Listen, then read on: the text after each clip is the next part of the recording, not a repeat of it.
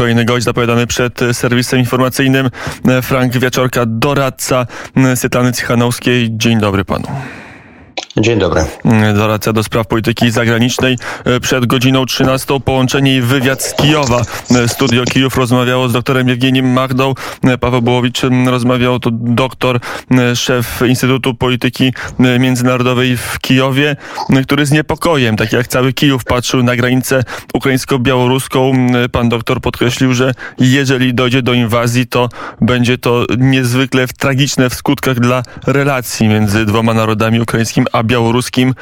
Jakie wedle opozycji białoruskiej są szanse, czy, czy jaki jest scenariusz użycia przez Łukaszenkę wojsk białoruskich w tej wojnie? No, Łukaszenka już wykorzystuje białoruskie wojsko w pomocy ataku na Ukrainie.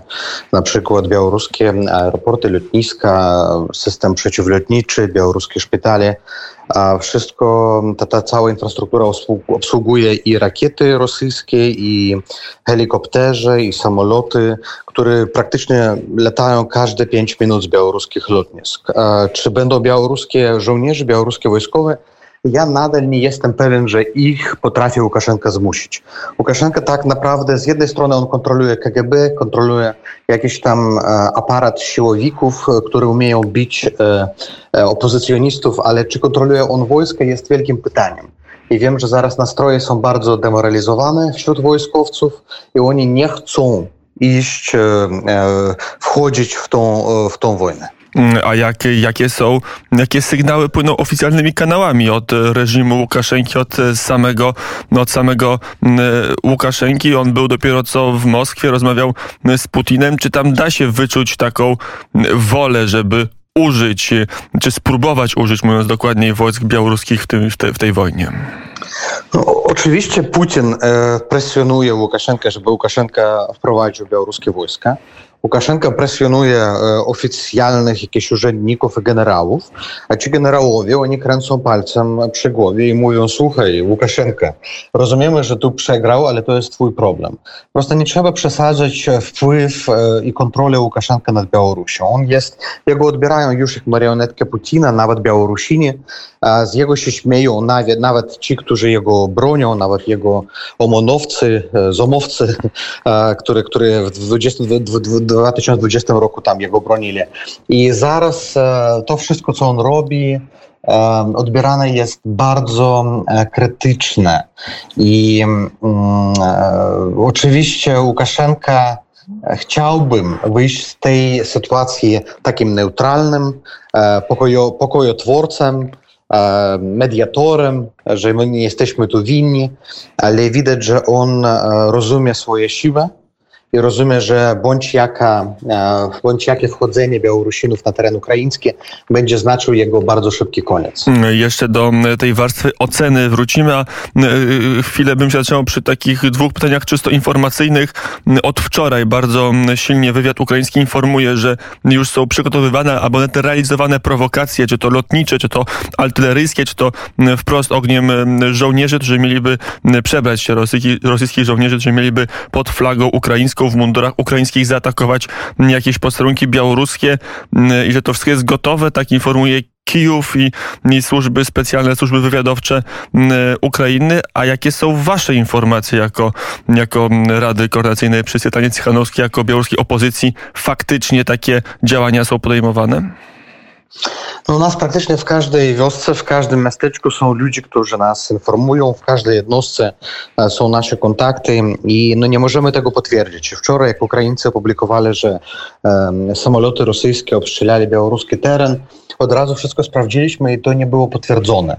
I rozumiemy, że, że zaraz taka sytuacja dosyć emocjonalna i Ukraińcy reagują na bądź jaką wydarzenie bardzo mm, tak głośno, ale też trzeba trzymać no, to, tą informację sprawdzić 10 razy, bo to Rosja jest zainteresowana, żeby stworzyć napięcie pomiędzy Białorusinami i Ukraińcami. Oni chcą, żeby Ukraińcy nie lubili, nienawidzili Białorusinów, żeby spowodować właśnie tą agresję między narodami, której nie ma i nie było do tej pory.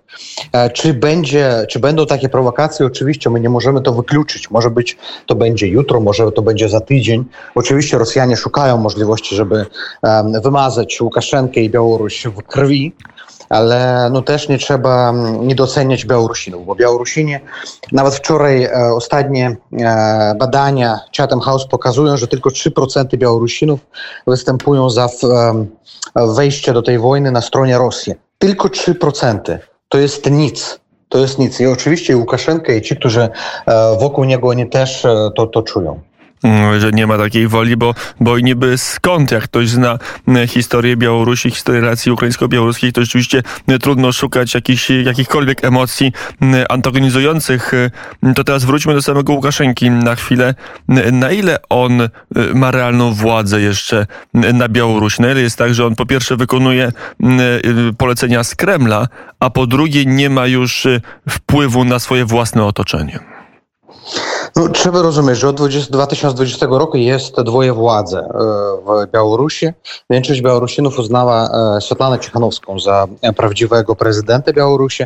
Nawet nie mamy potwierdzenia oczywiście przez e, tam służby wyborcze, te, te dzielnice wyborcze, ale um, wszystkie badania pokazują, że się od 60 do 80% na nią głosowali. I nawet wśród wojskowych, wśród urzędników też jest odbierane, że to Cichanowska jest prawdziwym prezydentem, a Łukaszenka jest prosto takim, tak przestępcą, który um, zachopił władzę i e, trzyma się przy nią. E, Łukaszenka kontroluje część wojskowych, to jest prawda. On jest dość popularny na wsi, małych e, tam miejscowościach, gdzie nie ma internetu. On oczywiście ma grupę lojalistów, propagandystów, którzy kierują mediami propagandowymi, ale tak, żeby on kontrolował większość, tego nie ma. Ale prosimy zaraz Zachód, Zachód i zwracamy uwagę do, na, na e, sytuację częściowej, tymczasowej okupacji Białorusi. Myślę, że to już jest najlepszy czas, żeby powiedzieć oficjalnie, że Białoruś jest tymczasową okupowaną, nie całość, tylko e, południowa część i wykorzystana przez rosyjskich lotników i rosyjskie siły zbrojne dla atak na Ukrainę. A gdyby do samych generałów, tych, którzy, jak pan powiedział, pukają się palcem w czoło, kiedy Łukaszenka mówi, czy proponuje wejście militarne wojsk regularnych białoruskich na Ukrainę, jeżeli do tych generałów przyjdzie ktoś od Putina i powie wykonać rozkaz, to co oni zrobią? Jestem też ciekawy, nie wiem na pewno jak zareagują. Są ludzie starszego pokolenia, którzy jeszcze studiowali na uczelniach rosyjskich, generalskich, dlatego że na Białorusi nie ma takich e, e, akademii dla generałów i oni mają przyjaciół w Rosji, oczywiście są pod mocnym wpływem rosyjskim, ale ci, którzy są już e, kształceni e, w niezależnej Białorusi i całą swoją karierę zrobili w białoruskim wojsku, oni są patriotami. Oni rozumieją oczywiście i ryzyki, które e, wychodzą od Rosji. Tak? Nie ma takiego zachwycenia Rosji i jednoznaczną. Oczywiście jest piąta kolumna, która zawsze będzie prorosyjska i kiedy przy pierwszej możliwości oczywiście oni będą e, pomagali tej rosyjskiej inwazji, jeżeli tak się stanie na Białoruś, ale ich jest absolutna mniejszość. To, to jest kilka procent tych ludzi i ja nie myślę, że oni zaraz zajmują jakieś wpływowe stanowisko. E, Frank Wieczorka, doradca do spraw polityki zagranicznej Swietlany Cichanowskiej, gościem Radia Wnet. E, to teraz jeszcze przełóżmy całą tą tragiczną sytuację wojenną na nastroje społeczeństwa białoruskiego. Wiele osób mówi, że rosyjskie wojsko się skompromitowało, czy się kompromituje właśnie na Ukrainie swoją nieudolnością, ale też, też zbrodniczą działalnością. Jak na to wszystko patrzą przeciętni Białorusini i jak teraz patrzą na na reżim Putina.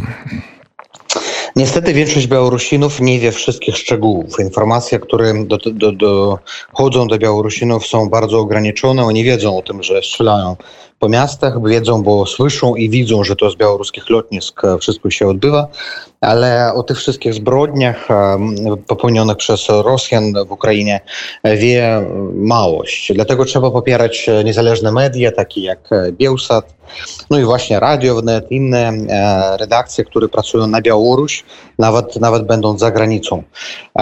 Czy, mm, e, czy stosunek do Rosjan się zmienił? Oczywiście tak, bo ludzie widzą, że e, Białoruś mogła być na miejscu Ukrainy. Białorusi czują, że e, kiedy Rosjanie to mogą zrobić z bratnim ukraińskim narodem, to dlaczego nie mogą to zrobić z Białorusinami?